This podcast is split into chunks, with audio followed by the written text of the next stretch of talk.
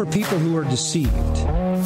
Look for people who are seeking feelings, blessings, experiences, healings, angels, whatever, that are only interested in the byproducts of the faith, not in Christ.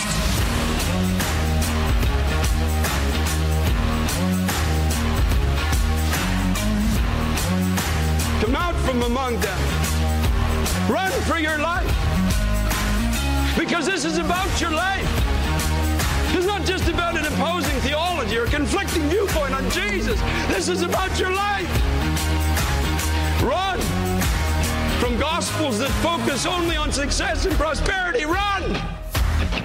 Run from churches where men and not Christ are glorified. Run. Run. Body of Christ, run. Get out. Run from churches where you're comfortable in your sins. Run from preachers that stand and tell stories and jokes. Run like you've never run before.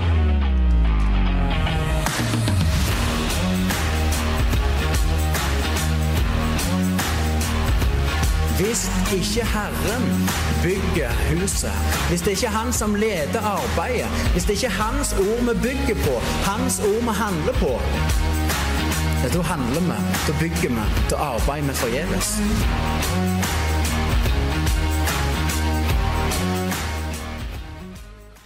Velkommen tilbake til Reformerte lekmenn. Mitt navn er Håvard Handland, og med meg i studio har jeg Thomas Opstad.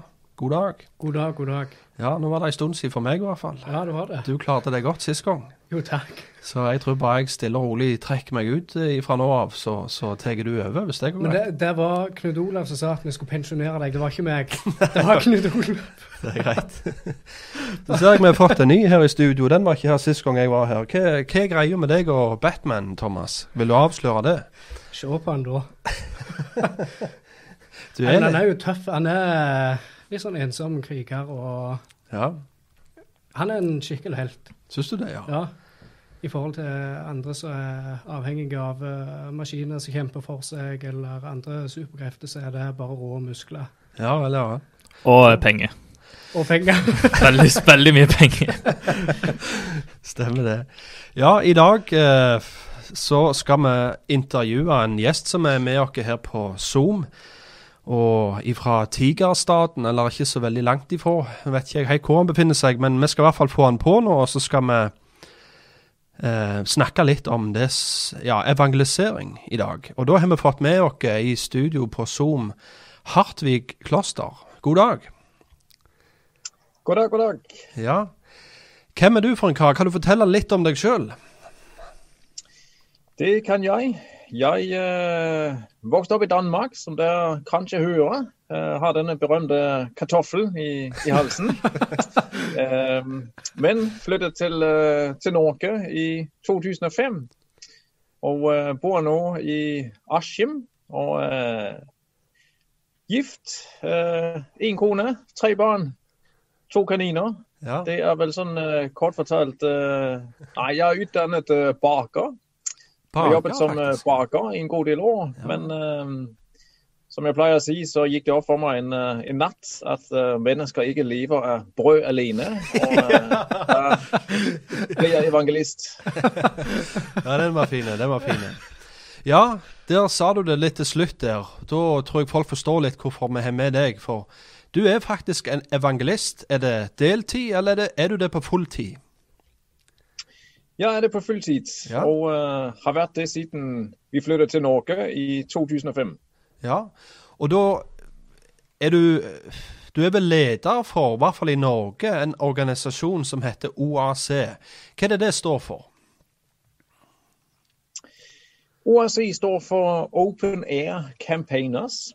Og uh, Open Air Campaigners er en uh, internasjonal organisasjon med avdelinger i 31 land utover hele, hele jorden.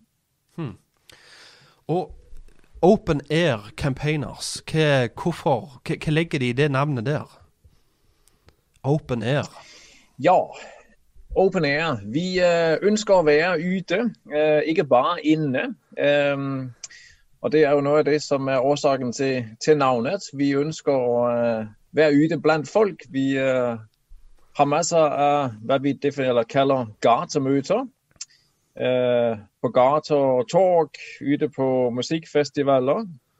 Og eh, hvor det ellers er mulig å nå mennesker med evangeliet. Der ønsker vi, å, der ønsker vi også å være. Ja. Og nå har vi jo all slags gjester og folk som uh, skikker innom denne podkasten her, så derfor tenker jeg vi må bare få, få inn det nokså tidlig i episoden, før folk klikker ut. Hva er budskapet til Open Air Campaigner? Så hva er, hva er budskapet det du forsyner på gata? Det er et uh et uh, gammeldags uh, bibelsk evangelium. Det er det vi, vi ønsker som skal forsynes. Vi mener at det er minst like relevant i dag som for 2000 år siden. evangeliet er Guds kraft til frelse. Og vi ønsker å forkynne et, et tydelig, klart evangelium når vi er ute. Mm. Ja, kjempebra. Hvordan blir dette budskapet tatt imot i det norske iblant det norske folk?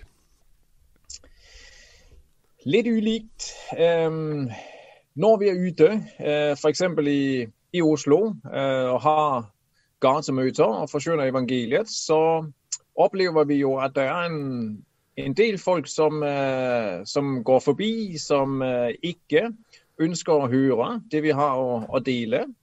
Samtidig så opplever vi også at det alltid er noen som uh, stanser opp og ønsker å, å høre hva vi, har, hva vi, har, på hjertet. Og ofte så blir det jo det til, til, videre samtaler. Så jeg vil si det er litt, litt begge deler. Um.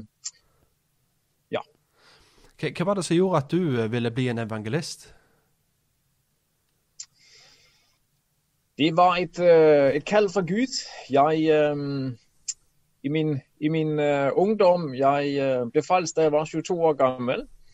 Og kort tid etter så reiste jeg sammen med en uh, ung nigeriansk kristen. Både i, i, Danmark og i Nigeria, i sånn et uh, utvekslingsprosjekt. Og han var en brennende kristen. Han snakket med, med folk om Jesus uh, når han møtte, møtte, folk. Og for meg så var det veldig sånn en aha-opplevelse. jeg tenkte liksom wow, går det an? å, å leve ut eh, kristenlivet på, på, den måten. Og Det ble vel sånn, kanskje startskuddet til at jeg selv prøvde å eh, prøvde å ta kontakt og prøvde meg eh, og det med å, dele evangeliet. Og etter hvert så kjente jeg at uh, det er dette Gud har kalt meg til. Og um, der åpnet Gud noen dører, slik at det ble evangelisttjenesten som, som, jeg skulle gå inn i. Hmm.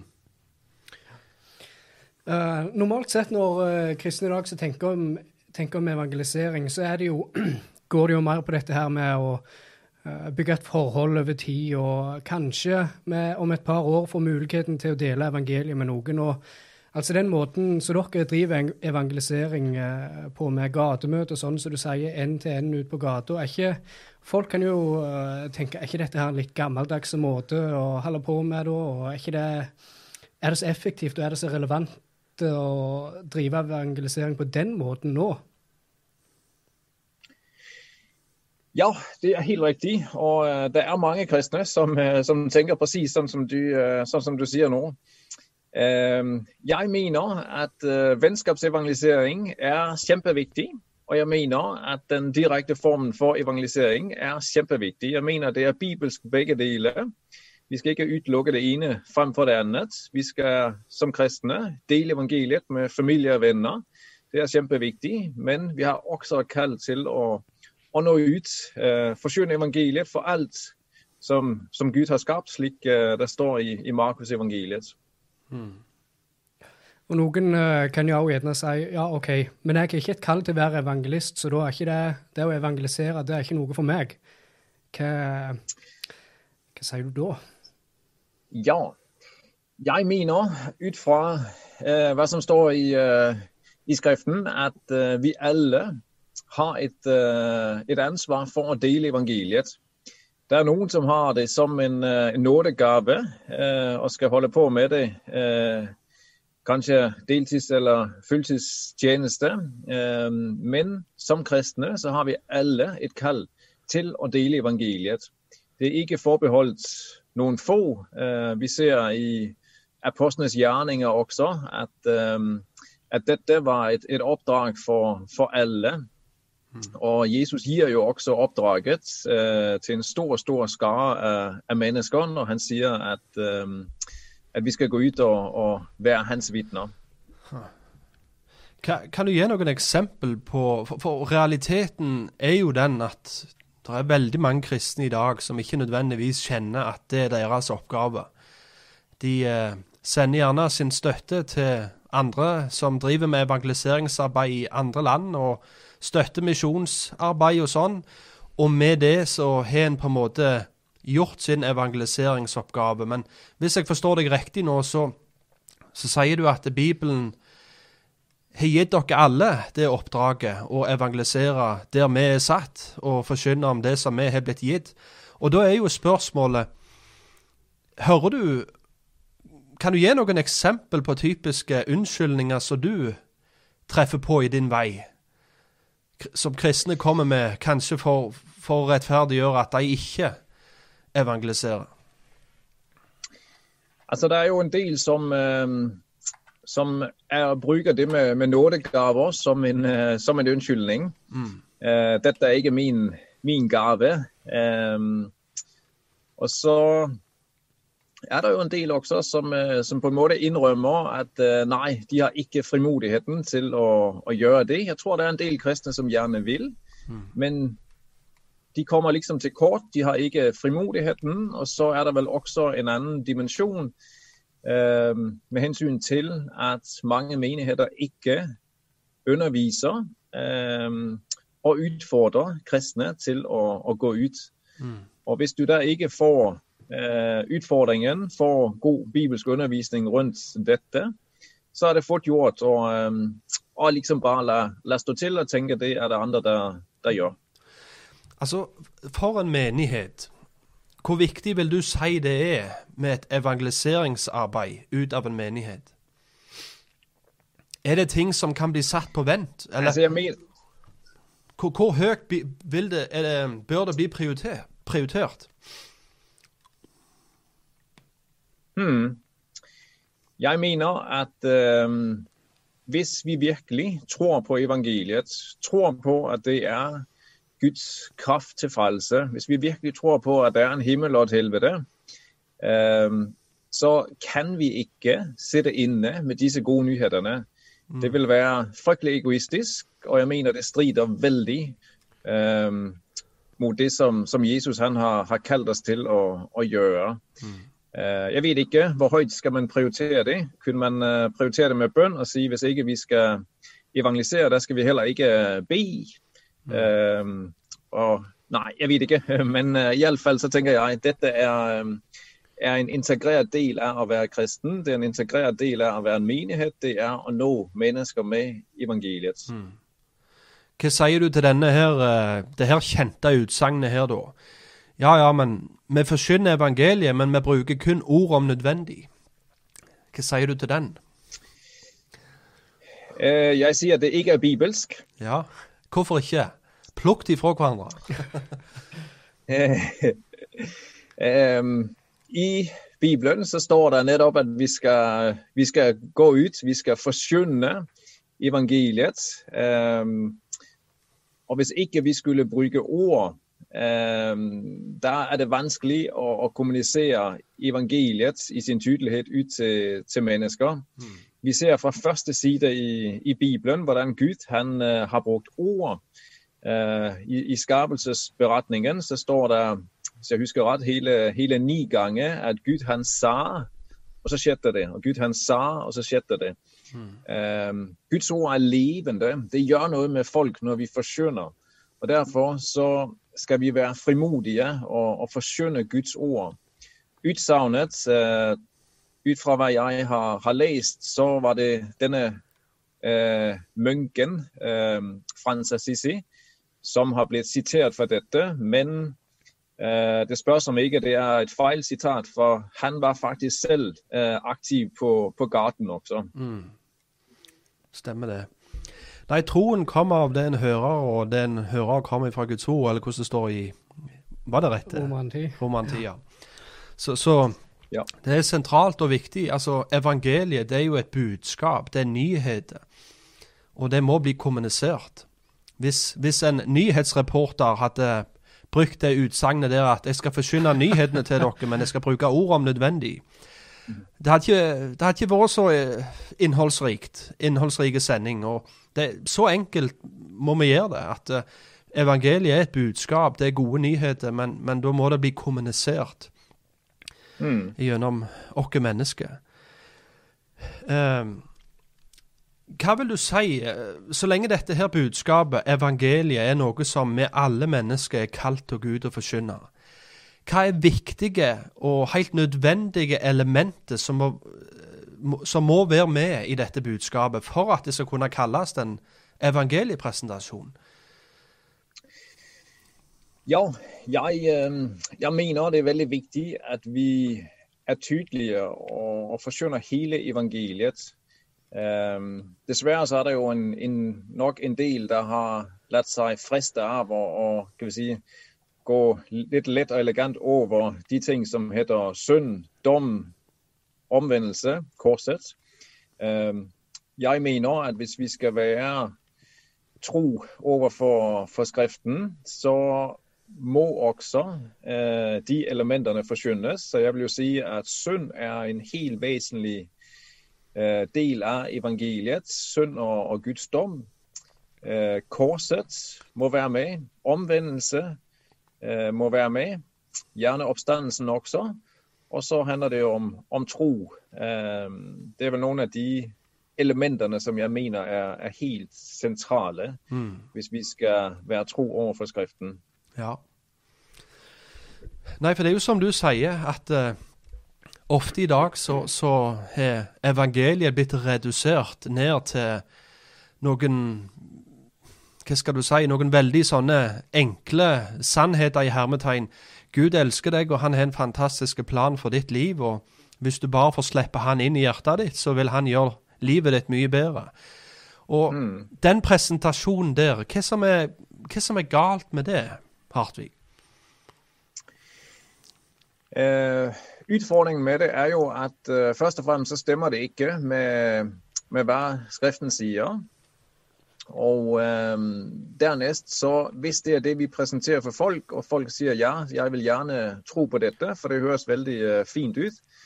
Når det da kommer motgang, eh, når det blir vanskelig å holde fast ved, ved Jesus, så hvis ikke folk først har sett at de er syndere, har sett deres fortapthet, for sett at de faktisk er på vei til helvete, eh, da er det veldig fort gjort også at folk de springer fra igjen. Um, og der får vi det jeg definerer som sånne fake omvendelser, Um, hvor folk egentlig ikke har skjønt evangeliet. Men hvis vi får forklart evangeliet klart og tydelig, og folk vet hva det er de sier ja til, og vet også at uh, livet, ikke, livet med Jesus ikke eh, nødvendigvis bare blir, blir enkelt, men eh, faktisk kan by på mye motstand. Eh, da har jeg tro på at folk også vil, vil fortsette eh, det nye livet, selv om de skulle møte ja, motgang, sykdom og, og andre utfordringer. Stemmer det. Thomas, hadde du noe oppfølger på den? Uh, ja.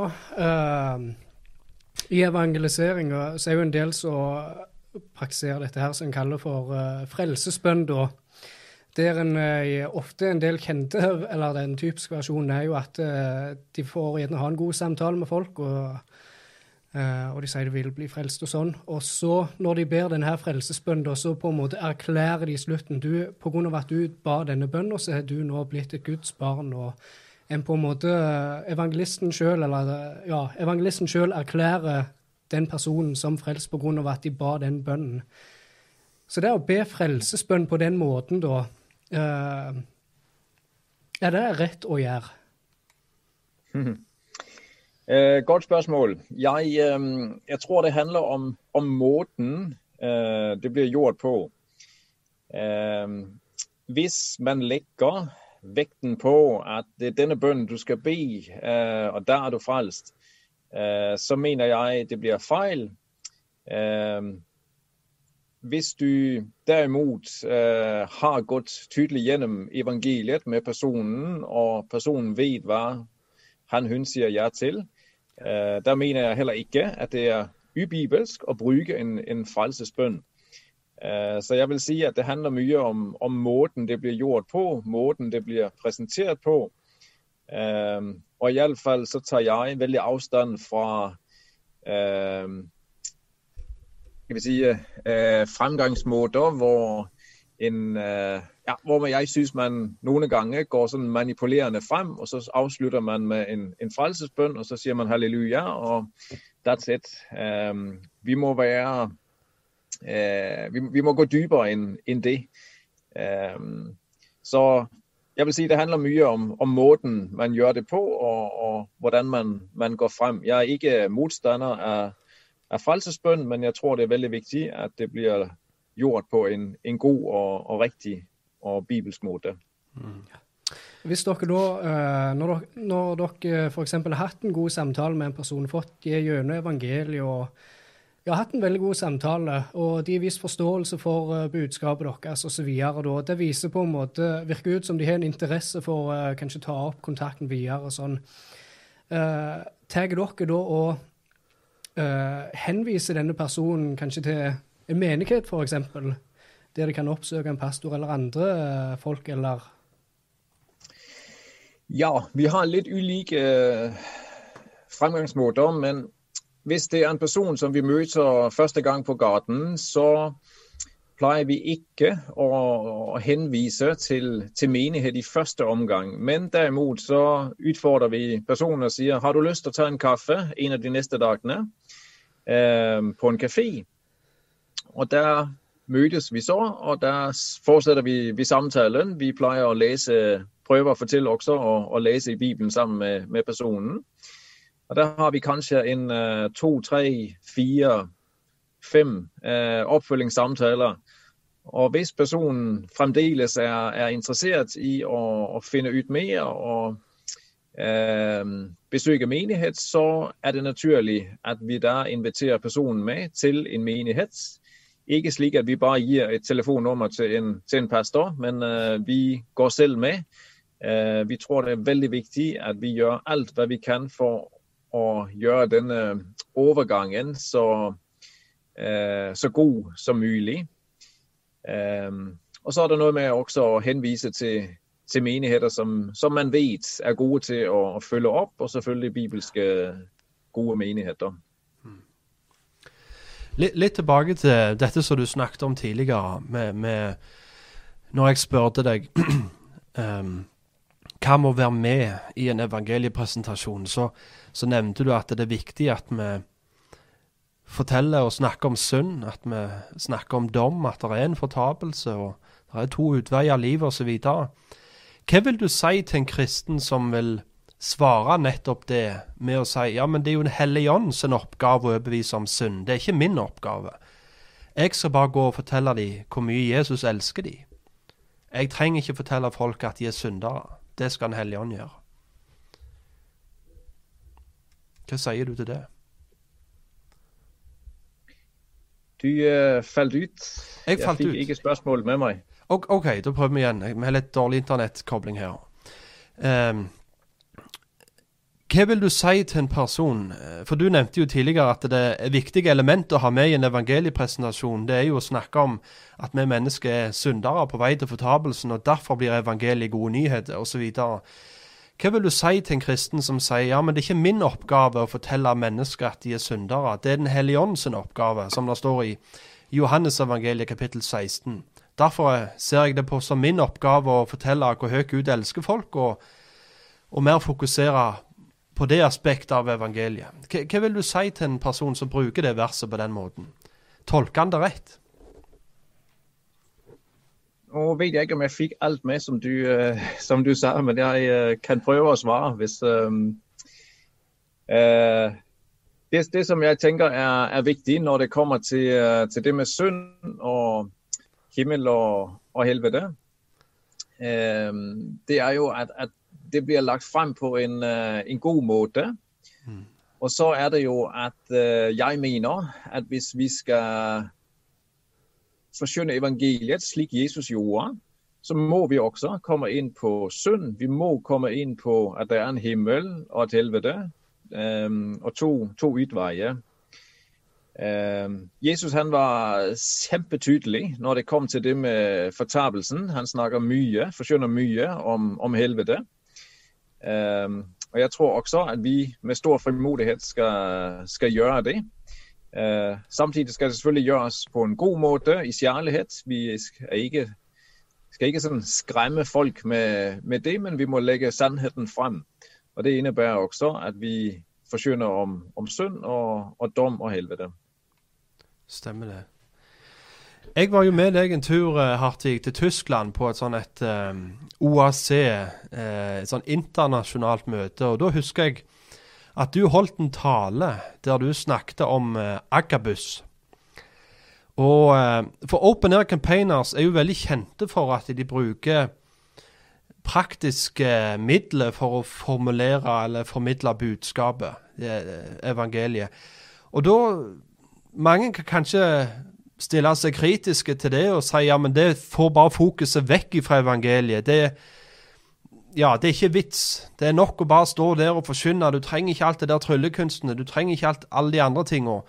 Og der må jeg ærlig innrømme at der har jeg òg vært litt. Er du med? Jeg tror ikke døperen Johannes sto med noen tryllestaver og holdt på. Hva er vitsen med det der? Og så husker jeg du hadde en tale der du argumenterte litt ut ifra skrift og nyttigheten og, og hjelt, for, viste liksom for et hjelpemiddel det var. Kan du snakke litt om det? Ja, det kan jeg gjerne. Jeg mener at uh, vi som, uh, som forkynner gjerne kan bruke kreative virkemidler for, uh, eller når vi forkynner. og dette begrunner jeg i at vi har mange eksempler nettopp på det i, i Bibelen. Uh, nå nevner du Agabus. Han var jo en, uh, en profet som hadde et budskap til, til Paulus. Og han kunne ha, ha, sagt det. Vi leser om ham i Apostlenes gjerninger 21, mener det er han kunne jo bare ha formidlet det ved å, å, si det med ord, men han tok faktisk eh, bildet og, og, bandt hender og føtter for at budskapet skulle komme enda tydeligere frem. Og Presis det samme ser vi mange andre steder i Skriften. Eh, Esekiel og, og Jemias bok er vel kanskje de to bøkene hvor det er masse eksempler på kreativ formidling. En av de mest kjente det er jo Pottermakeren eh, hvordan Gud bruker dette eksempelet eh, til å, å, tale inn i, i livet. Eh, ja, til, eh, til Jesaja. Eller Jeremia, unnskyld. vi ser andre eksempler også. Vi eh, har jo et litt morsomt eksempel med Biliam og, og eselet. Eh, hvordan Gud faktisk bruker et, et esel, taler gjennom et, et esel. Eh, vi har også i, i Det nye testamentet hvordan Jesus skriver i sannhet med, med fingeren. Eh, og Sånn er det mange eksempler når vi begynner å, stanse opp og tenke litt over det som står. Og Der kan vi spørre oss selv hvorfor er det Gud vil at profetene de skulle f.eks. ta en, en krukke eh, og knuse den i byporten rett foran eh, de eldste? Jo, det var fordi at de skulle skjønne alvoret. De forskjønte budskapet, men understrekte også alvoret ved denne kreative illustrasjonen. Og når vi bruker sketchboard eller trylling eller drama, så er det jo nettopp for å understreke budskapet. Og så er det også en dimensjon med at vi lever i sånn en en underholdningstid. Og der skal vi selvfølgelig passe på ikke å, å falle i en, en grøft hvor vi tenker vi skal, vi skal underholde. Eh, men hvis du skal ha 40, 50, 60 personer til å stanse opp midt på Egetorget, som vi ofte har når vi er ute, iallfall på sommeren, eh, så er det en kjempehjelp å ha noe kreativt, noe visuelt som ses. Og hvis det er det som skal til for å forkynne, for å få, få evangeliet forkynt, eh, så er jeg iallfall villig til å, å gå langt eh, for å, å, å stanse opp folk. Jeg vil heller bruke noe, noe visuelt og, og, se at nå er det faktisk 40-50 personer som, som, står og hører på det jeg sier, enn hvis jeg bare hadde stått med, med Bibelen og det hadde stått et, et par stykker og, og hørt etter. Samtidig så er det selvfølgelig viktig at vi gjør det på en, en god og en riktig måte. Og Det er ikke det som skal være det sentrale, det er selvfølgelig budskapet. Men gjør vi det på en god måte, så kan det være med til å understreke budskapet. Og Det er derfor vi Open Air Campaigners også eh, legger en del vekt på det. Men da er det litt nøye gjennomtenkt på en måte hva, hva midler dere velger å bruke, sånn f.eks. sketsjbord som du nevner, sånn at det ikke bare står med en sjokolade, og så er det den og smaker og kjenner at Herren er god, og så tar imot Jesus. Men at det på en måte er litt uh, nøktern og vel, går, uh, velger på en måte litt spesifikt hva som er gode hjelpemiddel til å kunne understreke budskapet. ja. For det er, jo, det er veldig viktig at det blir presentert på en god måte. Og um, det er også derfor at vi bruker en del tid uh, når vi får nye evangelister på å, å lære opp og trene opp, slik at, uh, at budskapet kommer, kommer, tydelig frem. Vi ønsker at det vi gjør, det skal være, det skal være bra. det skal ikke bare være noe som vi i siste øyeblikk har, har funnet har tatt med. men vi ønsker å gjøre dette for, for Hæren, og derfor uh, ønsker vi å gjøre det så, så godt som, uh, som, mulig. Hvis du, uh, Hartvig, skal oppmuntre det norske, den norske kristne folk om å gå ut og evangelisere, hva vil du begynne med? Hva vil du si til dem? De er kanskje nervøse, de er redde. De hvordan begynner du når du vil introdusere, akkurat som du ble introdusert for å evangelisere? Hvis du skal inspirere resten av den kristne forsamling nå her i dette landet, hva vil du si? Hmm.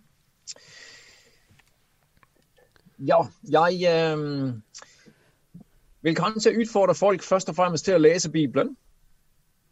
Og um, dessverre så er min erfaring jo at det er veldig mange som uh, nesten ikke leser Bibelen. Det er mange som uh, ikke prioriterer bibellesning. Og jeg tror det er, er noe av det grunnleggende som må til hvis vi skal være brennende kristne. For det er noe med at det som hjertet er fylt med, det renner munnen over med. Eh, det står i Kolossene 3, 3,16 at eh, det står det, la Guds ord få rikelig rom blant dere. Eh, og Det er det det handler om. Det handler om at vi skal være så fylt med Guds ord at vi ikke kan la være å tale om det vi har sett og hørt. Mm. Så jeg vil si Råd nummer ett det vil være bruk masse av tid med din bibel. Les din bibel, studer din bibel, memorer din bibel. Eh, memorer bibelvers, salmer, og fyll deg med, med Guds ord. Dernest så vil jeg utfordre eh, folk til å eh, ta noen steg i tro. Gå ut av denne komfortsonen. Vi har dessverre vennet oss til at eh, kristendom det er noe med å eh, sitte i en, en god, behagelig eh, stol på søndagene. Når Jesus sender sine disipler ut, så sier han jeg sender deg ut som sauer blant ulver.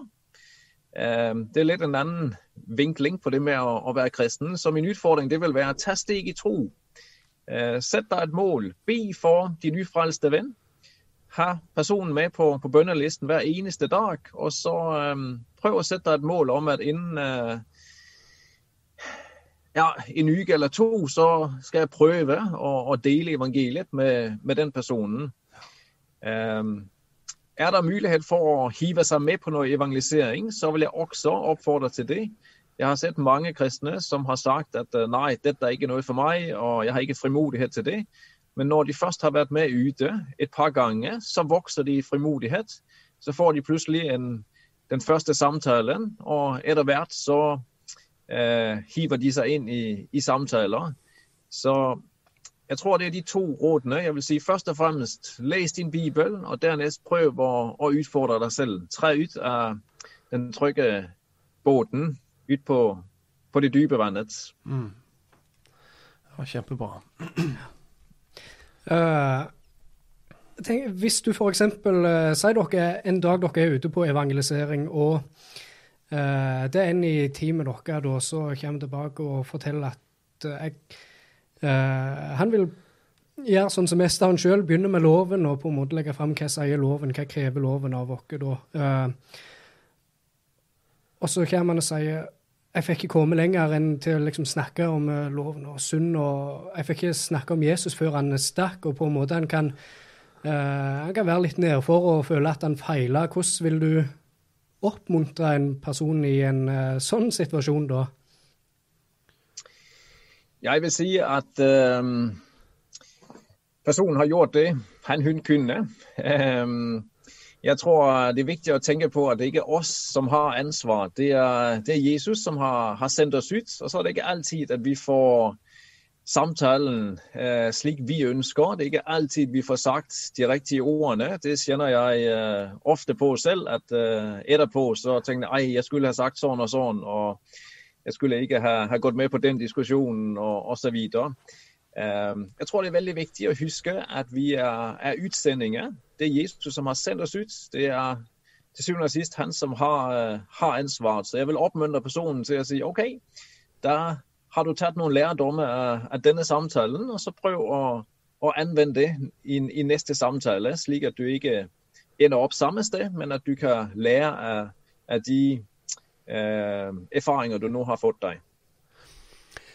Jeg følger deg jo litt på Facebook, Hartvig, og jeg, jeg, får med meg at du er litt rundt forbi og underviser. Annet på Fjelltun Nei, Fjellhaug. Hvordan ser Ja. ei undervisning ut? Hva er det du underviser elevene om når du er- kommer til evangelisering?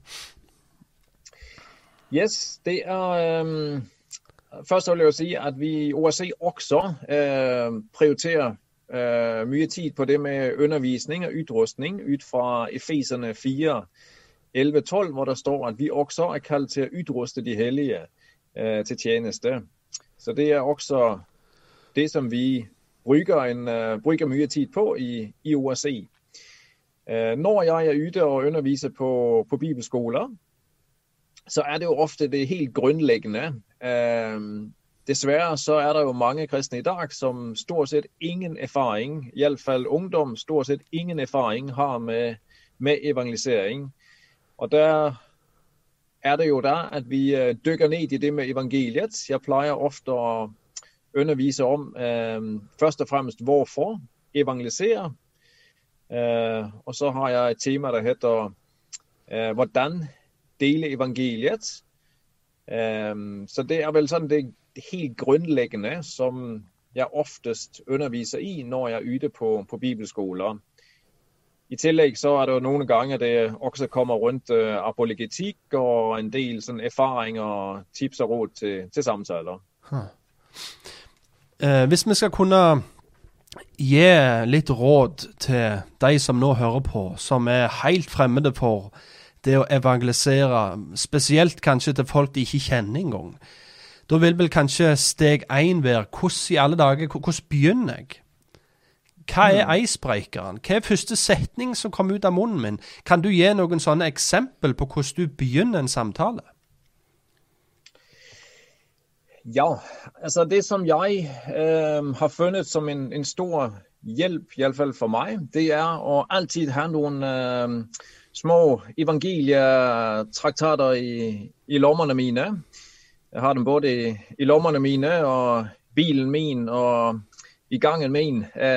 Så prøve å være, være klar eh, når situasjonen byr seg. Eh, jeg syns det er enklere å ha noe å gi. en liten flyer, og så bruke det som et, eh, et springbrett. Et av mine første spørsmål det er jo der hvis jeg har gitt en person en, en flyer, det vil da være å, å spørre har du noe i forhold til, til kristendom. Eh, og så pleier personen ofte å, å si litt rundt det, og så går jeg litt mer direkte og, spør hva med, hva med Jesus? Du, eh, tror, du på, tror du på Jesus? Um, og så går jeg videre igjen og spør hva, hva, med, hva det med korset og oppstandelsen? Tror du på Jesus han døde på, på korset og, og sto opp igjen? Um, det er vel oftest sånn jeg, jeg, går frem, men jeg har ikke noen bestemt fremgangsmåte. Og jeg er litt imot eh, det med å ha en, en, bestemt mal for hvordan man skal gå frem. Jeg tror mm. Gud har skapt oss forskjellige. Mm. Eh, og så er det viktig at vi også selvfølgelig er, er åpne over for, for Den hellige ånd. Eh, og den veiledningen som, som vi får gjennom, uh, gjennom, Guds ånd. Jeg var i, i Bergen for um, en god stund siden, og der var det en, en dame som, uh, som satt utenfor det hotellet jeg bodde på, som uh, begynte å snakke med, med meg og uh, spurte litt om hvorfor jeg var i Bergen. og Da kunne jeg så fortelle at jeg var evangelist og skulle forkynne i i en kirke. Og uh, jeg trodde jo da at hun skulle uh, slutte, slutte, samtalen, men hennes reaksjon var oi, så spennende. Og Da begynte hun å fortelle om livet sitt. og Det ble til en lang, lang, spennende samtale, og jeg fikk fikk også vitnet masse for, for, henne. Så jeg tror det er viktig at vi ikke holder oss til én bestemt fremgangsmåte. Når jeg ser hvordan Jesus går frem, så ser jeg at det er mange ulike måter. Noen ganger så han, bruker han loven. Han går direkte på med, med loven. Andre ganger, f.eks. når han møter Oi. Der datt han ut.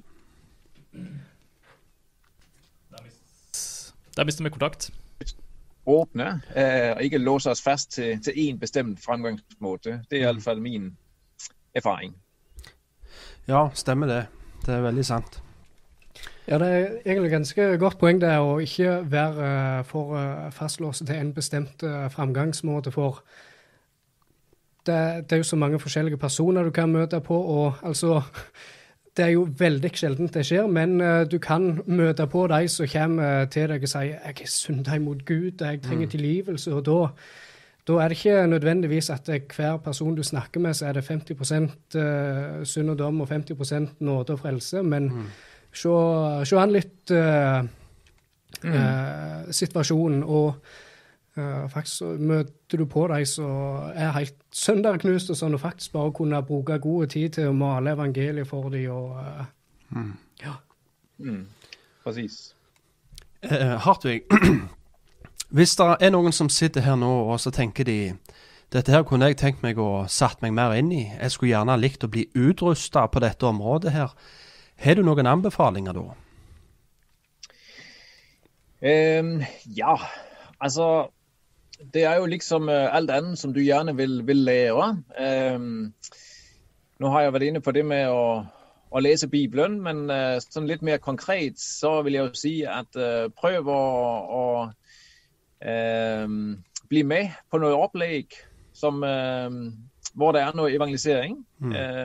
I Open Air Campaigner så har vi jo hver sommer det der heter Reach the City Oslo. Og uh, Det er jo et opplegg på, på, fem dager med masse undervisning og evangelisering. og Det er sånn trygge rammer. Så hvis ikke man har gjort det før, så er det iallfall uh, noen gode rammer for å uh, gjøre seg noen erfaringer med, med, evangelisering.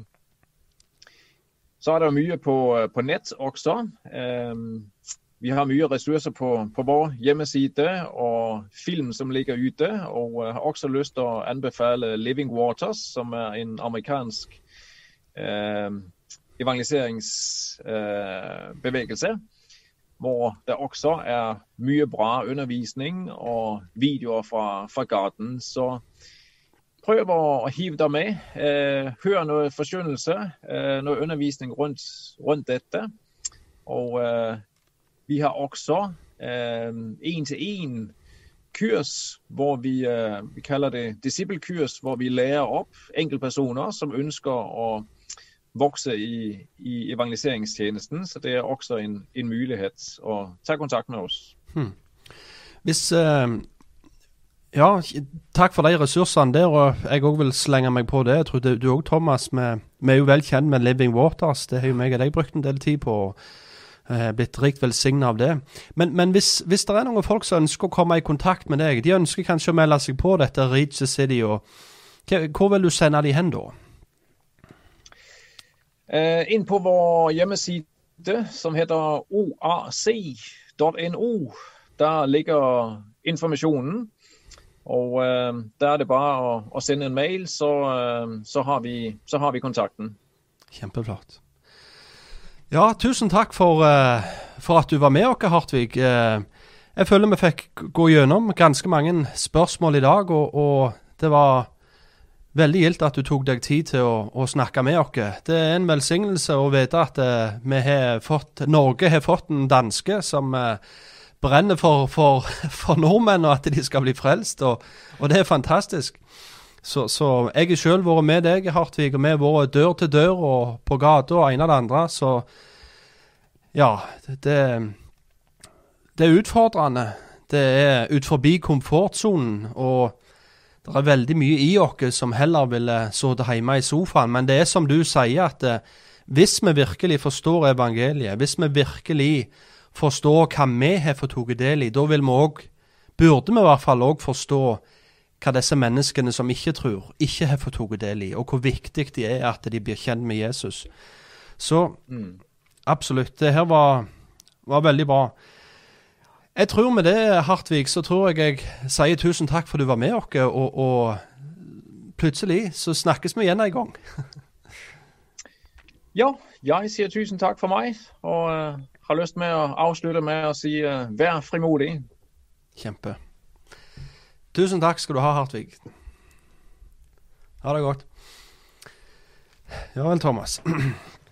Ja, da er vi tilbake igjen her, meg og deg. Yes.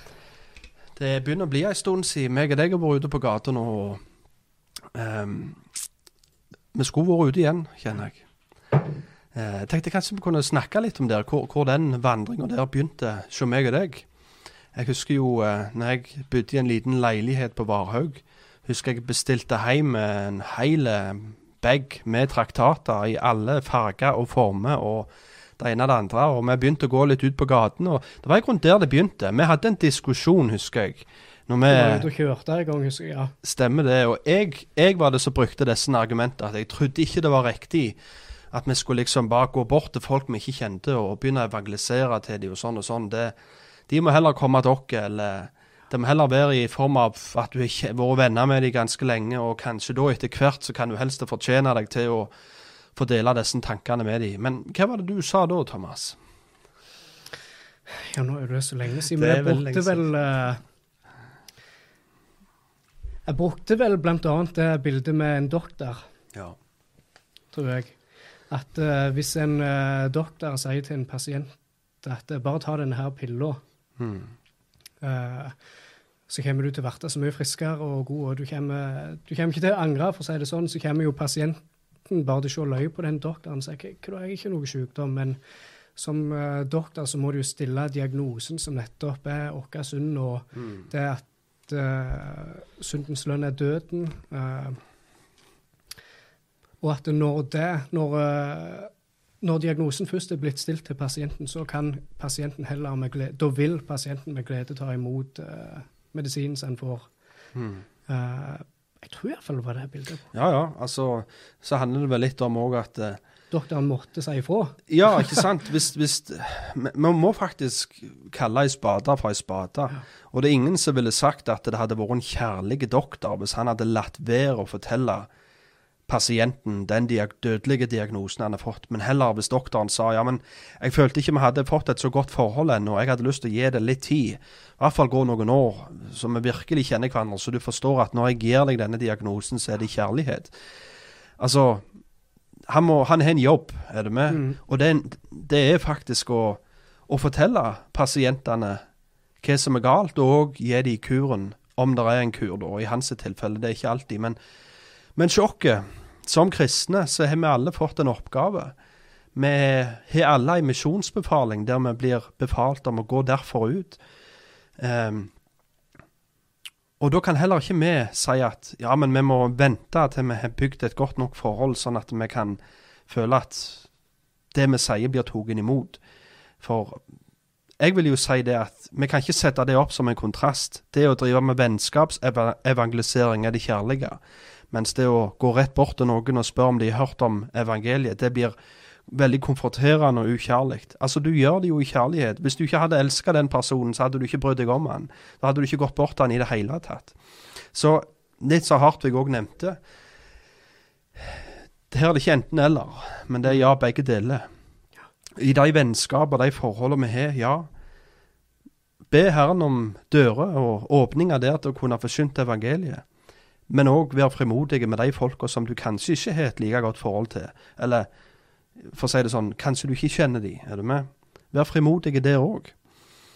Det er ofte eh, det jeg merker sjøl, iallfall det er lettere ute på gata Mm. enn for uh, ikke-frelste venner, f.eks. Og òg med bare det å bruke traktatet, så Hartvig sa det er en veldig god icebreaker. Stemmer det. Om de ikke er interessert i å, eller har tid å snakke, så får de iallfall gitt en uh, god traktat til dem. Mm. Og når det kommer litt til det vi snakker om, hva er det kristne budskapet, hva er evangeliet, hvordan legger en det fram? Og det er ikke noe å legge skjul på at eh, budskapet, det kristne budskapet Det er veldig mange i dag som kaller seg for evangelister. Veldig mange som driver og engasjerer seg i misjonsarbeid og det ene og det andre. Og de går bevisst ut og tenker at jeg skal ikke gå ut og fortelle folk at de er synda. Jeg skal ikke gå ut og si at de brøt Guds lov. Det er ikke det er ikke min oppgave. Min oppgave å gå ut er å fortelle hvor høyt Jesus elsker dem. Min oppgave å gå ut er å fortelle at Gud har en fantastisk plan med deres liv. Men er det sant? Er det sant at Gud har en fantastisk flott plan med folk som ikke tok imot han? Altså Ut ifra Skrifta så er den planen Gud har med de menneskene, fortapelsen. Syndens lønn er døden. Det er fastsatt for et menneske en dag å dø, og deretter er det dom. Og hvis en ikke står skjult i Kristi rettferdighet, da står en der i sine egne skitne gjerninger og må svare for dem. Og da er det ikke en fantastisk plan som ligger før det mennesket som ikke har tatt imot Jesus. Snarere tvert imot. Så da går vi i grunnen og forteller løgn, som, som, eh, som det står i Jeremia, de her profetene som går ut og sier fred, fred, når det ikke er noe fred de profetene som prøver å leke mitt folks synd på en lettsindig måte, som han òg snakker om.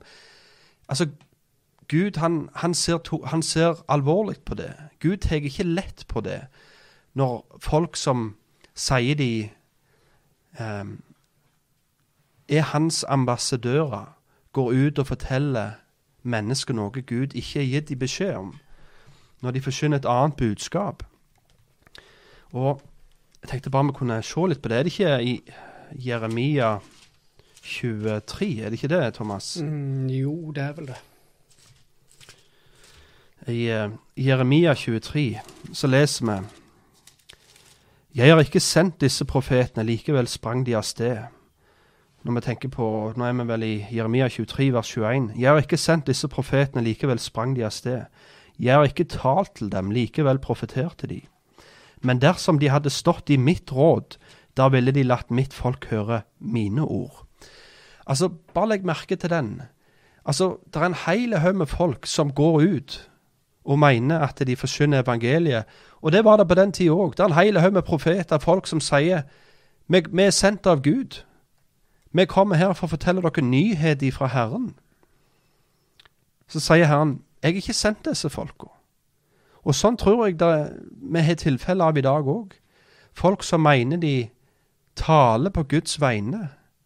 Men ut ifra det budskapet de kommer med, så vitner veldig mye om at det er ikke Herren som har sendt deg. For hva er det der står? Men dersom de hadde stått i mitt råd, da ville de latt mitt folk høre mine ord. Og det er jo der det ligger. hvis vi mener at vi er ambassadører for Kristus, med andre ord vi representerer Han og det budskapet som, som Han har gitt dere i sitt ord, ja, da er det det budskapet vi må forkynne. Ikke et tilsukra, ikke et utvanna budskap, der mange av de viktige elementene har blitt plukket ut. Og videre så står det Men dersom de hadde stått i mitt råd, da ville de latt mitt folk høre mine ord. Da ville de ha fått dem til å omvende seg fra deres vonde vei og fra deres onde gjerninger. Med andre ord, her sier Gud til disse profetene som springer ut og sier fred, fred. Han sier, hvis dere virkelig hadde vært ifra meg, hvis det var virkelig jeg som hadde sendt dere, da hadde dere ikke gått ut der og bare sagt fred, fred og ingen fare. Da ville dere fått de til å omvende seg fra sin vonde vei. Og derfor, er også, Der er vi inne på et veldig viktig aspekt med det å evangelisere. Ja, evangeliet betyr gode nyheter, men spørsmålet er hvorfor er det gode nyheter? Jo, for det er noen dårlige nyheter. Og de dårlige nyhetene er nettopp det at vi mennesker er atskilt ifra Gud pga. vår synd. I begynnelsen, i hagen, så levde mennesket i fellesskap med Gud. Det står at Gud var i hagen, så han vandra med mennesket. Men det fellesskapet der ble brødet. De ble kasta ut ifra det fellesskapet. De ble kasta ut ifra paradis. Forbannelsen kom over skaperverket og over mennesket på grunn av mennesket gjorde opprør imot Gud. Og vi er alle i Adam, det vil si vi alle etterkommere av han og har den samme naturen som han fikk som et resultat, resultat av dette syndefallet. Så derfor, når vi da kommer inn i verden, så, så er det som David sier i Salmene 50, i synd har min mor unnfanga meg. Vi kommer inn i denne verden i synd, som et eh, bilde jeg hørte en gang fra en forkynner, han sier som babyer så kommer vi ut med to knytta never. Én opp til foreldrene og én opp til Gud. sant? Vi er ikke moralsk nøytrale vesen, vi mennesker. Det er ikke sånn at vi vi er nøytrale. Gud sier enten er du for meg, eller så er du imot meg. Det er ikke noe nøytralitet. Og jeg vet mange av de som meg og deg, Thomas, traff på gata, de ville veldig ofte være nøytrale. Nei, jeg, jeg er ikke ateist, og jeg, jeg, er heller ikke kristen, og det kan godt være det er noe, større kraft, og den tror jeg på. Er du med? Jeg vil liksom være i en plass midt imellom. Men jeg vil ikke totalt forkaste Gud, men jeg vil heller ikke tilbe Bibelens Gud, den ene sanne Gud. Sant? Jeg vil være en plass innimellom. En er villig til å tro på noe overnaturlig, men det overnaturlige der vil jeg skal være generelt. Jeg vil ikke at det skal være noe spesifikt, og i hvert fall ikke en Gud som har gitt krav på mitt liv. En Gud som har gitt meg beskjed om hvordan han vil jeg skal leve. En Gud som har sagt hvordan jeg skal komme til han. Det vil jeg skal være opp, opp til meg. Det må jeg få bestemme. Men det er ikke det kristne budskapet. Jesus sier han er sannheten og veien og livet, og det kom, innkommer til Faderen uten gjennom han. Og det er ikke gitt noe annet navn under himmelen som mennesker kan bli frelst med, enn navnet Jesus. Ja, altså, kristendommen er eksklusive. Han inkluderer ikke det. Som vi kan si, det er mange veier til Rom. Men det er faktisk bare én vei til Gud, og det er gjennom Sønnen, gjennom Jesus. Og litt av viktigheten med å faktisk legge fram disse nyhetene om at menneskene, fellesskapet som vi hadde med Gud i begynnelsen, har blitt brutt pga. synd. Viktigheten med å legge fram det, det, det blir litt det samme som at Se for deg, som du nevnte, Thomas, hvis du kommer til en doktor, og denne doktoren her møter deg i døra, og så sier han du, å hei, du skal bare inn på en vanlig sjekk, sant, det er ikke noe galt med deg, så du vet om i hvert fall, du skal inn på en sjekk. Og han ikke tok en sjekk på deg engang, han bare møter deg i døra med hånda full i, i tabletter, og så sier han ta disse her to ganger til dagen i fire uker, så, så blir du frisk. Altså, hva vil du gjøre med de tablettene? Vil du gå hjem og vil du være takknemlig for dem, først og fremst? Vil du juble over disse tablettene? Vil du føle at det var gode nyheter, det som denne her doktoren sa? Nei, du vil synes han er en tulling. For først og fremst, jeg kom inn her for en sjekk, og du har ikke lagt fram noen bevis på at det er noe galt med meg, som igjen skulle føre til at jeg trenger disse tablettene. Du har bare sagt hei, gode nyheter, her er det tabletter, de skal gjøre deg friske. Og sånn er det mye evangeliet blir forkynt i dag. Jesus er god, han elsker deg, Begynn å tro, ta det med ro, det koster ikke noe. Sant vel? Litt den her formelen. Vi gir de gode nyheter, som faktisk ikke blir gode nyheter. Og det blir ikke tatt imot som gode nyheter på grunn av at det ikke blitt lagt fram en diagnose. Det er ikke blitt lagt fram en dødelig sykdom, som Bibelen snakker om. Syndens lønn er døden. Vi, mennesker dør. Vi mennesker går for tap på grunn av vi er syndere. Av vi er synder imot den hellige Gud. Og hvis den, denne her doktoren da hadde tatt en undersøkelse og etterpå så kaller han de inn på kontoret, så, så han, ligger det ti papir her på benken hans, og der med røntgenbilder ene av det andre, så viser han at Ser du her på disse bildene her? Dette lover ikke godt. Her viser det, her er det ti bevis på at uh, du er i ferd med å dø. Altså, Hvilken følelse ville denne personen sittet igjen med? Han ville sittet igjen med et søkk inni seg. sant? Lufta vil gå ut av han og tenker det er ikke noe håp. Hele livet vil bli spilt i hodet hans bare på noen minutter. og tenker, Var det alt jeg skulle få gjøre? Jeg som hadde planer, drømmer, ting jeg ville ha utført. Når da doktoren kommer, og så sier han 'men', da, da spisser du ørene. Da hører du godt etter. Når doktoren sier 'men'. Men det er noen gode nyheter, for jeg har noen tabletter her. Ta disse to ganger til dagen i fire uker så vil du bli friske. Og det er denne kuren her, om du vil, det er denne medisinen her vi kristne har blitt gitt. Vi har blitt frelst i å ta imot Jesus, ifra fortapelsen, ifra dommen. Blir det da rett av oss å gjemme denne kuren under senga? Blir det da rett av oss å si jeg er litt redd for at folk blir støtt eller fornærma hvis jeg går og gir dem denne her kuren her? Ja, vi skal frykte Gud mer enn det vi frykter mennesket. Og derfor hvis vi virkelig elsker mennesket, så holder vi ikke denne her kuren vekke ifra dem. Da gir vi denne kuren til dem. Men vi må òg forstå hvorfor denne kuren, altså hvorfor evangeliet er gode nyheter, og da må en faktisk male de dårlige nyhetene. Og Thomas, kan du ta et eksempel på hvordan kan en legge fram disse dårlige nyhetene på en god måte? Hva, hva er de dårlige nyhetene? Ja, det som Uh, når jeg har vært ute på evangelisering, så uh, jeg er jeg blitt veldig inspirert av uh, Ray Comfort, blant annet. Uh, og han har jo dette programmet, da, Way of the Master, og det Du har jo Så på en måte da handler om hvordan var det Jesus evangeliserte da. Og jeg syns det er jo en veldig interessant historie da fra Markus 10, når Jesus møter den rike unge mannen. Der Jesus begynner med buda. Eller først kommer jo den rike unge mannen og sier, 'Mester, hva skal jeg gjøre for å, gode mester, hva skal jeg gjøre for å bli frelst?' Uh, der Jesus da etter hvert, 'Ja, du kjenner buda'. Mm. Uh, du skal ære mor og far osv. Du skal ikke stjele, du skal ikke lyge. Og mm. alle de jeg holdt fra min ungdom av, sier han. Og så sier Jesus, 'Gå og selg alt det du eier, og gi til de fattige', og så skal du få lønn i himmelen, og ta opp korset og følg meg'. Og så står det jo at den rike unge mannen han gikk vekk for at han uh, hadde stor rikdom, han var lei seg. Mm. Og det, det, er egentlig en veldig uh, effektiv måte, og det er en veldig bra måte å kunne evangelisere på. Det å, eller det å legge fram de dårlige nyhetene og legge fram uh, de ti bud for mm. folk. og da veldig praktisk sett faktisk spør de ja, kjenner du til de eh, ti bud? Kan du gjerne spørre, kan du nevne noen av de? Og så, ja, du skal ikke lyve, jeg skal ikke slå i hjel. Og så spør du de, ja, har du noen gang fortalt en løgn? Ja, hva kaller du en eh, person som lyver, en løgner? Har noen gang stjålet noe? Ja, hva kaller du en person som stjeler noe? En tjuv? En tyv?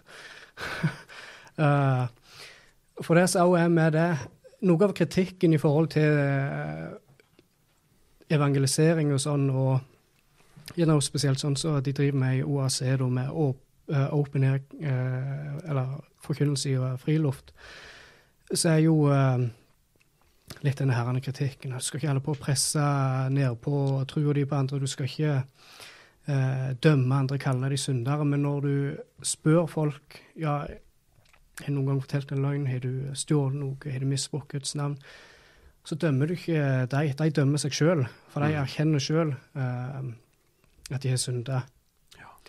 Eh, så det er en veldig eh, effektiv og god måte som vi kan uh, Mm. trekke fra, eh, se fra Jesus sjøl i Markus 10. Ja, for jeg tror både din og min erfaring er det at eh, når vi spør folk på gata Det er et spørsmål vi mange ganger spør.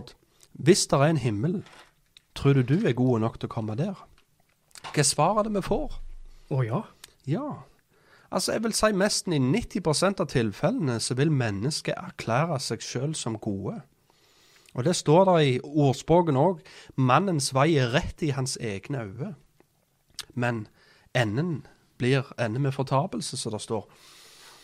Altså, mennesket er veldig raske med å erklære sin egen godhet. Og hvis vi spør mennesket hva er Kan du gi meg noen eksempel på ondskapsfulle mennesker? Så vil de alltid peke ut forbi seg sjøl, og sjeldent til seg sjøl. På grunn av Når vi ser på oss sjøl, så vil vi tenke det at ja, men det er jo alltid noen som er verre enn meg. Jeg er jo ikke så galen som han. Og sant, Breivik vil kunne pe peke til Hitler, ja, men jeg, jeg var ikke så galen som han. Men da er jo spørsmålet igjen, hva er standarden? Er du med? Og det er det som er så viktig, og det er det jeg holder på å lære hun lille hjemme. Prøve å lære om hva, hva en standard er for noe. sant? Meteren, sant? Standarden for meteren den ligger vel nede i Frankrike, hvis jeg ikke tar feil. Og hvis jeg hadde gitt deg beskjed om tegn, ta en blyant på hvitt ark, mange hvite ark borti gjennom, og så begynner de fra den ene enden, og så går du til den andre enden, og så skal du stoppe når du tror du er kommet en meter. Hvordan kan jeg kunne etterprøve det? Hvordan kan jeg kunne teste? Hvis du sier 'her har du en meter', jo da må jeg legge standarden, altså et målerbånd, så må jeg legge det på sida, så må jeg se om du faktisk har klart å tegne en meter. Og når mennesker erklærer seg sjøl for gode, rettferdige, verdige til å komme til himmelen på grunn av de ikke er så galne som en annen mann, så er det på en måte to personer her som har tegnet en strek. Breivik tegnte én, og Hitler tegnte en annen. Og så vil alle kunne peke ja, ja, men jeg lagde en litt bedre strek enn han. Men hva spørs spørsmålet er jo hva er standarden?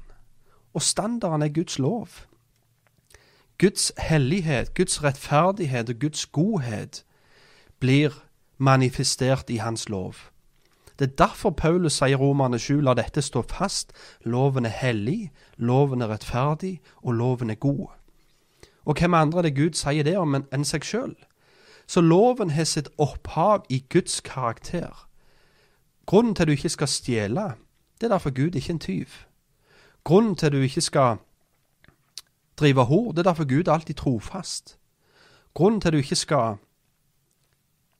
eh, lyge, det er for Gud er sannferdig. Gud taler alltid sant. Så buda har sin opphav i Guds karakter. Så når vi bryter buda, så gjør vi et opprør mot Gud. Det er derfor David sier i Salmene 50, når han er synda imot hele israelsfolket, synda imot Uria, drevet hor, og ene det andre, sier han et år etterpå sier han, mot deg og mot deg alene, Gud, har jeg synda. Det som er vondt i dine øyne, har jeg gjort. Hvorfor kan David si det? Jo, for synd er først og fremst brudd på loven, som igjen er en refleksjon av hvem Gud er. Og det er faktisk brudd på Eller synd er opprør imot Gud. For vi som mennesker er skapt i Guds bilde, og vi er satt ned her på jorda for at vi med vårt liv skal gi et rett bilde av hvem Gud er. Vi er satt ned her på jorda for å ære Gud, leve til ære for Han og glede oss i Han for alltid. Men når vi da mennesker lyver, hva forkynner vi om Gud da? Hvis vi er satt ned her for å vise hvem Han er, da forkynner vi at Gud er en løgner. Hvis vi som mennesker skapt i Guds bilde, hvis vi stjeler, hva forteller vi om Gud da? Jo, at han er en tyv. Og det er nettopp dette som er så viktig å forstå. For mange, en, en veldig kjent reaksjon som vi får når vi er på gata f.eks., eller evangeliserer og snakker om himmel og helvete og disse tingene, det er at folk reagerer ofte veldig sterkt på en evig fortapelse. sant? Syns ikke det henger på greip. Men da må jeg veldig ofte ta dette eksempelet for dem. Hvis jeg hadde gått bort til en maur, og så hadde jeg gnurt den under skoen min, hadde ikke blitt de veldige konsekvensene. Går jeg litt lenger bort, og så spenner jeg katten, Ja, det vil komme et mjau, kanskje jeg får kloremerke, men ikke så veldig mye mer konsekvens enn det, med mindre det er noen som eier katten og kommer etter meg. Jeg går litt videre. Jeg spenner sjefen min på arbeidsplassen. Ja, da får jeg sparken. Kanskje. Mm, tilbake. Ja. Eller et spark tilbake. Går jeg til politimannen og spenner han, så havner jeg inn i cella og får kanskje ei bot. Lurer jeg meg inn på kongeslottet og tar springfart og et hoppespark i bakhodet på kong, Harald, Da har jeg- ja, da har jeg plutselig hele det norske forsvaret etter meg. Altså, poenget er, jeg gjorde den, så å si den samme synden her. Men straffen øker alt etter hvem synden er retta imot. Og derfor det, var, det, det begynte med spenne han, spenne han, spenne han. Men kongen, da skulle du ta skikkelig karatespark i bakhodet. Første var henne slottet, liksom. Men poenget da Poenget er Synden, eller straffen, øker alt etter hvem synden er retta imot. Og når, som, som jeg sa tidligere, når vi bryter Guds lov, så er det synd imot Gud. Og derfor blir straffen deretter. Og det er de dårlige nyhetene. De dårlige nyhetene er det at, som det står i Romane 3, alle har synda og står uten ære framfor Gud. Vi har alle synda. Det er ikke én god, nei, ikke en eneste. Det er ikke én rettferdig. Det er ikke én forstandig. Det er ikke én som søker Gud. Nei, ikke en eneste. sant? De alle veger av. Det er diagnosen vår. Og det burde få oss til å bli edruelige. Det burde få oss til å virkelig tenke Oi, er det en kur? Sant? Og det er det som nettopp er de gode nyhetene. De gode nyhetene er at Gud sendte sin sønn. Og han levde det perfekte livet som meg og deg ikke klarte. Han synda verken i ord, tanke eller gjerning. Han ble hengt på et kors, og på det korset så tok han på seg vår overtredelse. Han hang på det korset og betalte for sitt folks synde. Det står i Jesaja 53 så står det at det var til Herrens velbehag å knuse han. Jesus tok på seg Guds fulle vrede på det korset. Og for å bruke et bilde på det, så fører deg en høy demning. Og det vannet som er i den demningen, det er hver synd. Hver dråpe som er kommet opp i den demningen og bygd den opp til, til skyene, for å si det sånn. Alt det vannet der, det er Guds vrede som bygger seg opp imot de ugudelige. På grunn av han kan ikke la synden gå ustraffa, for da vil han ikke vært en rettferdig Gud. Han kan ikke bare skutte synden under teppet, ignorere han, eller holde seg for øynene og si 'fort deg, spring over himmelporten', så skal jeg overse det. Hvis Gud er en rettferdig Gud, så har han nødt å gi synden straff. Akkurat som en rettferdig dommer i dette landet her. Hvis det er en tyv som har brødet seg inn eller stjålet et eller annet, og hvis den da som er blitt frastjålen, sitter i rettssalen, og den anklagte, skyldige tyven står der framme, så sier han, Gud, eh, dommer, jeg har hørt du er en kjærlig og god dommer, kan ikke du bare la meg få gå? Og hvis dommeren hadde sagt da, ja, selvfølgelig, det er helt sant som du sier, jeg er en kjærlig dommer, selvfølgelig skal du få gå ut herifra. Hva tror du han som sitter igjen der da kjenner? Tror du han vil sitte og tenke, å, for en rettferdig dommer, som bare slipper denne som har stjålet fra meg hus og heim, ut herifra? Nei, han ville sittet igjen og sagt, for en korrupte dommer, for en lovløse dommer. Han gjør ikke jobben sin. Og hvis vi har den standarden, og hvis vi har den forventninga til en jordiske dommer, hvor mye mer da tror du ikke den himmelen som jorden skaper, vil gjøre rett? Hvor mye mer tror du ikke han ser? Han skal dømme oss i rettferdighet. Han ser inn til det innerste av oss. Han ser tankene, han ser motivet vårt. Og vi skal bli dømt ut ifra det. Og tilbake til denne demningen, da. Se for deg at du bor i et lite hus rett nedfor denne demningen her. Og denne demningen strekker seg opp til skyene, og han er flere mil brei. Du ser verken begynnelsen på han eller enden på han. Og så står du inne der og sitter på kjøkken, med kjøkkenbordet ditt, og så hører du det begynner å sprekke litt. Du hører en bultring og en braking. Du springer ut forbi, tar på deg tøflene. Og der ser du at denne demningen begynner å sprekke. Og det begynner å fosse litt vann ut, og så bare pang, sier han. Der detter hele demningen, og denne bølga er på vei med en stormfart imot deg. Og du ser deg rundt og tenker det er ikke vits engang. Jeg kan ikke flykte ifra denne her. Så du står bare der. Og du er uten håp. Men rett før denne demningen treffer deg, så åpner jorda seg og sluker ned hele denne bølga, så du ikke får en dråpe på foten din engang. Det var det Jesus gjorde på korset. Jesus drakk ned Guds fulle vrede. Hans vredes beger, om du vil, drakk han ned der på korset, sånn at du ikke trenger å få en dråpe av Guds vrede på din fot, om du vil, eller nedover ditt hode. På grunn av han tok den prisen. Så nå kan Gud behandle deg som om du levde det livet Jesus gjorde, på grunn av han behandla Jesus på korset som om han levde det livet du gjorde. Og dette er den stedsfortredende døden vi snakker om. At han sto der i synderes sted. Han hang på korset der som vi hadde fortjent å hunge. Han tok på seg den straffen som rettmessig var vår. Men han tok på seg den straffen og tilfredsstilte Guds rettferdighet. Tilfredsstilte Guds vrede på korset. Og ikke nok med det. Etterpå sa han det er fullbrakt. Prisen er betalt. Offeret er fullbrakt. Det er ferdig. Det er sona. Han døde. Han oppga sin ånd til Faderen. Og tre dager etterpå så sto han opp igjen ifra de døde og beseira døden. Og nå sitter han med Guds høyre hånd, og en dag så skal han komme igjen og dømme levende og døde. Og det vi må gjøre, og det alle mennesker må gjøre for at de skal kunne stå framfor Han, rene og rettferdige, det er å omvende seg ifra sin synd. Klamre seg til Jesus, tro på Han, stol på Han. For så høyt har Gud elsket verden at han ga sin sønn den enbårne, for at hver den som tror på ham, ikke skal gå fortapt, men ha evig liv. Av nåde er dere frelst, av tro. Og den er ikke av dere selv, den er Guds gave, det er ikke av gjerninger, for at ingen skal kunne rose seg. Der har vi de gode nyhetene. De gode nyhetene er at vi kan bli frelst ifra den kommende dom.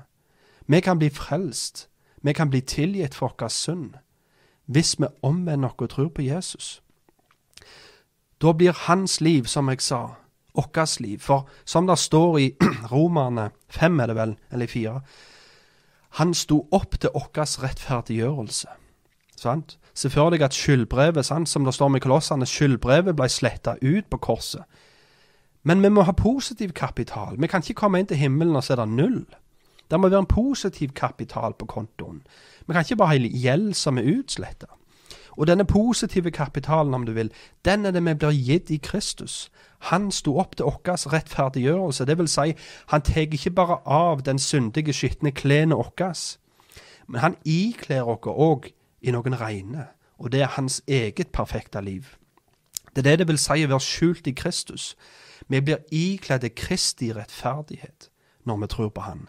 Så når vi nå står framfor Gud, så står vi der ikke i egne prestasjoner, ikke av gjerninger, som Efesene 2,8 sier, men vi står der ikledd i Kristus sin rettferdighet. Så når vi altså hypotetisk sett, skulle fått det spørsmålet med himmeldørene hvorfor skal jeg slippe deg inn, hva er da svaret ifølge Bibelen? Det blir ikke å vise til egne prestasjoner, som vi ser i, i, i Matteus 7. Mange skal komme til meg på en siste dag og si Ja, men Herre, Herre, jeg har jo drevet ut onde ånder, jeg har jo profetert, jeg har jo forsynt Jeg har jo Jeg, jeg, jeg. Nei, da sier Jesus, gå vekk ifra meg, jeg kjenner deg ikke. Men det som er det rette svaret hvis Herren hadde spurt dere hvorfor skal jeg slippe deg inn, det er å peke på Jesus. Han er gode nok. Han levde et perfekt liv. Han betalte for min synd. Og jeg er satt min fulle tillit til han. Jeg stoler på han. Jeg fulgte han. Han er min frelse. Det er svaret. Jesus aleine. Og det kan vi svinge inn i evigheten på. Ikke våre egne gjerninger og prestasjoner. Vi blir ikke frelst av gjerninger, men av tru alene. Men ei sann frelsende tro er etterfulgt av gode gjerninger til behag for Gud. Som det står videre i Efeserne 2,8. Av nåde er dere frelst av tro, og dere ikke av dere selv, dere Guds gave. Det er ikke av gjerninger at ingen skal rose seg. For vi er Hans verk, skapt i Kristus Jesus til gode gjerninger, som Gud har lagt klar på forhånd for at vi skulle vandre i dem. Så der har vi det. Så det, selv om jeg snakker nå om at det ikke er våre egne gjerninger, og det er ikke våre egne prestasjoner, så er det veldig viktig å forstå at vi kan ikke legge noe til eller trekke noe ifra når det kommer til frelsen. Det ene alene er et verk av Jesus alene. Og vi må sette vår fulle tillit til Han, og det er der frelsen ligger. Men som frelste mennesker så ønsker vi å leve for Han. Det er det det vil si av Jesus som Herre. Hvis Han er Herre, så blir vi Hans. Og det vil si at vi følger Han, ikke lenger oss sjøl. Vi lever ikke lenger for oss sjøl, men for Han som døde og oppsto for oss. Og Han har åpenbart sin vilje for oss i sitt ord. Og det er gjennom å følge Hans ord at vi òg følger Hans fotspor. Og sånn ser det kristne livet ut. Er det noen ting å legge til der i budskapet, Thomas? En kjapp ting, og det er bare når det gjelder gode gjerninger, så var det jo eh, Jeg syns det var fint det som Luther sa. Så- Ja, det var så godt, det var så sterkt for meg. Men, uh, nei, men altså, når det gjelder gode gjerninger for en kristen, så er ikke de for Gud, det er for de neste. Så de gode gjerningene som vi gjør, det er for å kunne tjene og hjelpe vår neste. Mm.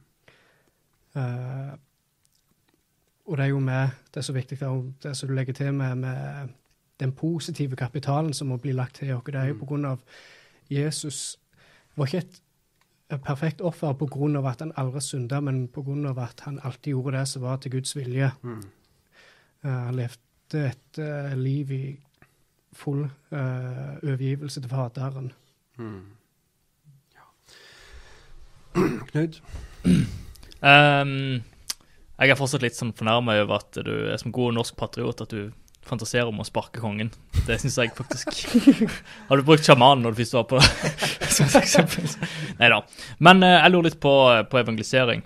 Har du ikke vært i en situasjon der du ikke tenkte at ikke du ikke vil kaste perler for svin? At, ja. for jeg, vet, jeg hørte på en samtale med jeg tror det var eh, Todd Freel. Han intervjua Christopher Hitchens. Ja. Og da sa han at han ikke etter hvert, han klarte ikke så å overbevise han om at han var en synder, så derfor så ville han ikke presentere evangeliet for han. Eh, og det er jo noe som jeg tror Rick Comfort har sagt. Og jeg lurer på, vil, er det noe du ikke ville gjort i praksis? At du ikke har tenkt at uh, hvis du ikke klarer å få personen til å bli overbevist om sin egen syndighet, at du ikke ville hoppe over hele evangeliepresentasjonen? Altså, For å svare på det, først og fremst så skulle vi jo hatt Nå husker ikke jeg helt hvor det står, men ordlyden er sånn som dette. Kast ikke perler på svin, og gi ikke det hellige til hundene. Det Ja. er liksom frasen. Det er Matteus 7, tror jeg. Ja, OK. Og, og For å ta et eksempel på det, da. Paulus han var villig til å gå veldig langt. Han var villig til å diskutere og debattere, som vi ser om i apostelens gjerninger, fra morgen til kveld. Men legg merke til, det kommer til et punkt der Paulus vender seg vekk og koster av seg til og med støv av klærne sine. Altså, Han vil ikke engang ha støvet deres som er sånn på seg sjøl. Så sier han deres blod får komme over deres egne hender. Nei, over deres egne hoder. Jeg er fri i deres blod, liksom. Jeg er ikke noe skyld i deres dom. Og så er spørsmålet når kommer det til et punkt der Paulus sier nei, nå gjør jeg dere ikke mer. Nå har dere fått nok. Nå gir jeg ikke mer perler til dere. Og det er veldig interessant. Gå og les i Apostelens gjerninger. Nå skulle jo selvfølgelig hatt det bibelverset klart, men, men det er når de begynner å spotte. Når de begynner å spotte Kristus. Når de begynner å håne det kristne budskapet. Da ser vi at Paulus Da vender han seg vekk. Så det har alltid vært en sånn regel for meg. For jeg òg har mange ganger lurt når er det i grunnen vi gir det hellige til hundene? Jeg tror det kan være en ganske kvass debatt. Jeg tror det kan ganske, ganske være en heftig ordveksling der uten at det er snakk om å hive perler på svin. Men når det går over i spott og håning av min Messias, av himmelen som jorden skaper, da føler jeg da er det på tide å koste støv av seg og gå videre. Det er min tanke, i hvert fall. Jeg vet ikke hva du Det er et tenker. godt poeng. Mm. Ja, nei, det er jo, eh, som du sier, hvis det, hvis det kommer til sport, for da, da er det på en måte kommet til et nivå der du har sett deg i så sterk opposisjon til det, Mm. og du nekter, og du vil ikke høre, og uh, ja, du vil ikke ydmyke deg, rett og slett. Mm. Men jeg vil ikke være enig med Freel og Comfort med at hvis personen ikke er villig til å så gjenkjenne sin egen syndighet, vil det vært et punkt der du kan kaste perlene? Eller du, du ender opp med å kaste perler for svin da, hvis du fortsetter med evangeliepresentasjonen. Ja, for da er vi jo litt inne på Roman 3, der det står at hva intensjonen og vitsen med loven er. Og der leser vi Men vi vet at alt det loven sier, taler den til dem som er i loven, for at hver, hver munn skal bli lukket igjen, og for at hele verden skal stå straffeskyldig for Gud.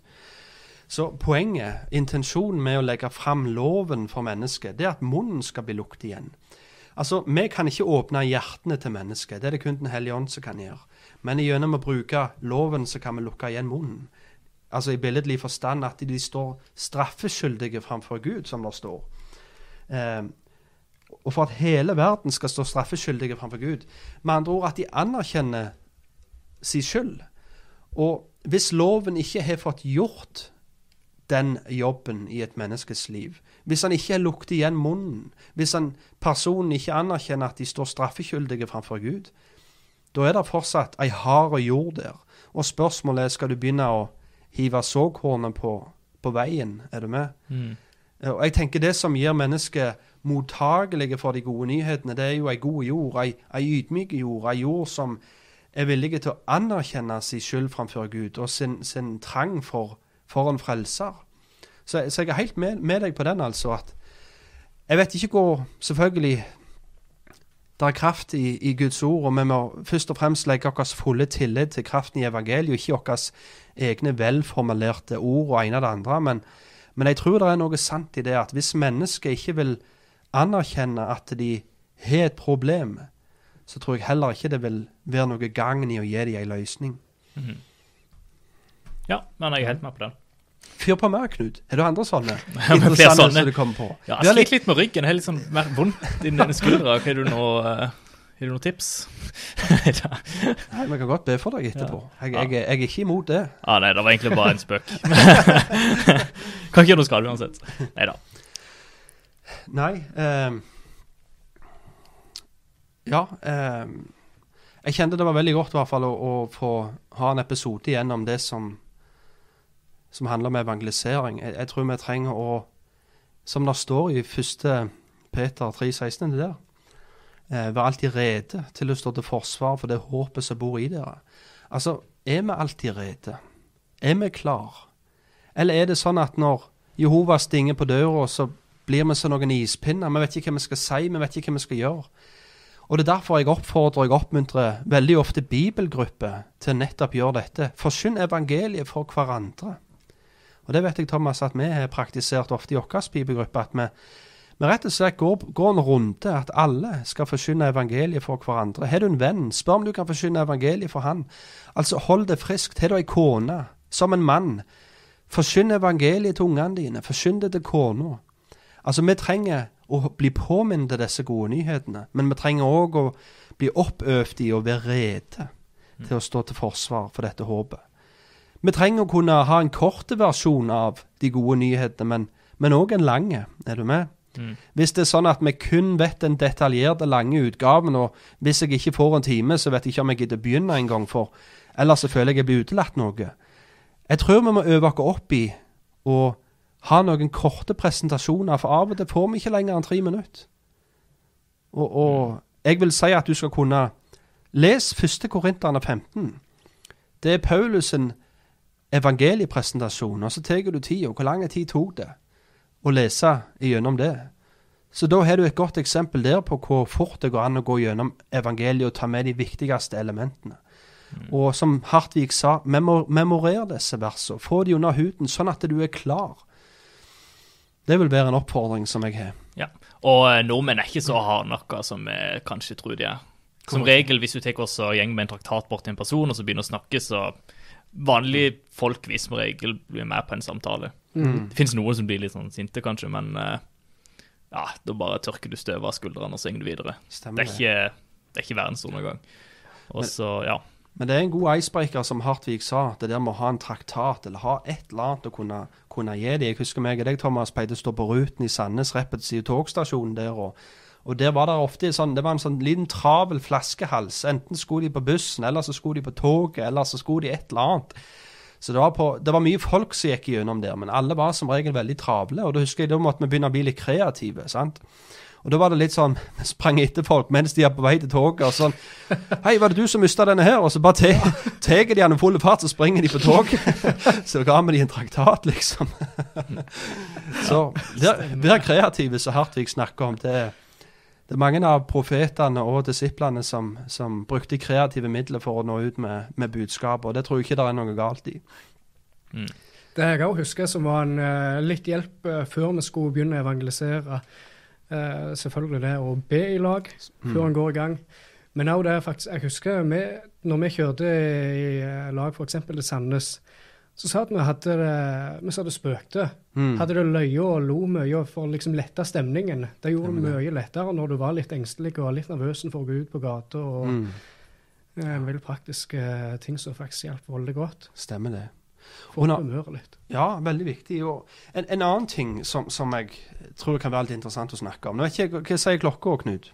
Uh, en og en halv time, så vi begynner å pushe OK, da, da, skal vi, da tar vi dette her som den siste. Et spørsmål jeg vil hive ut. Hva gjør vi? Ok, meg og deg, Thomas, vi har gått dør til dør. Vi har vært på gata og, og, og i forskjellige settinger. Og veldig ofte i de forskjellige settingene der, så treffer vi på bekjennende kristne. Vi gir dem en traktat, eller vi spør har du noen tanker om livet etter døden. Du en, ser du på deg selv som en god person? Hvis det finnes en himmel, tror du du kommer der? Sant? Det er noen sånne begynnersetninger som vi ofte bruker. Og som sagt, veldig ofte traff vi på kristne. Og jeg husker en gang så dingte vi på ei dør, og så kom det ei dame ut, og vi fortalte at vi var ute og ville fortelle folk om evangeliet, om, og ville høre om du hadde noen tanker om det, og sånn og sånn. Så sa hun nei, dere trenger ikke sløse vekk tida på meg, jeg er kristen, så bare gå videre. Og da har jeg jo to alternativ. Skal jeg velge å tro på den bekjennelsen der, og tenke ja, OK, da er du kristen, da, da går jeg. Eller skal jeg stille noen spørsmål? Og det er det jeg har sett, Thomas, at, at meg og deg valgte å gjøre. Vi valgte å stille noen spørsmål. Men jeg spurte denne dama her. OK, hvis, hvis du er en kristen, kan du fortelle meg evangeliet? Hva er de gode nyhetene? Og da husker jeg spesifikt denne dama sa jo, det er jo tro, håp og kjærlighet og, og elsk det neste som deg sjøl. Så tenkte jeg, er det de gode nyhetene? Gir du meg loven? Altså, nå gir du meg bud som jeg vet jeg i meg sjøl ikke klarer å holde. Jeg klarer ikke å elske det neste som meg sjøl. Og tro, håp og kjærlighet, ja, det står i Bibelen, men, men det er ikke en del av de gode nyhetene. Og da ble det jo veldig fort åpenbart at denne dama her, hun kaller seg kristen, men når jeg spør hva de gode nyhetene er, og hva evangeliet er, så, så ble det veldig tydelig at denne, denne dama her Nå kjenner ikke jeg hjertet, men hver tre skal kjennes på sin frukt, som Jesus sier. og og det var ikke ei god frukt at en ikke kan, som en kristen, si hva de gode nyhetene. Og det er det veldig ofte jeg gjør når jeg treffer på Jehovas vitner eller mormoner. Jeg spør hva er de gode nyhetene deres? For det er det sentrale budskapet. sant? Det burde i hvert fall være det. Hva er de gode nyhetene? sant? Um, så det var bare en sånn et lite råd helt til slutt, at, at vi det er òg en anledning, for jeg vet mange ganger, Thomas, som jeg og deg truffet på ungdomsledere for bedehus, vi har truffet på det ene og det andre, vi spurt samtlige det spørsmålet hva, hva er evangeliet?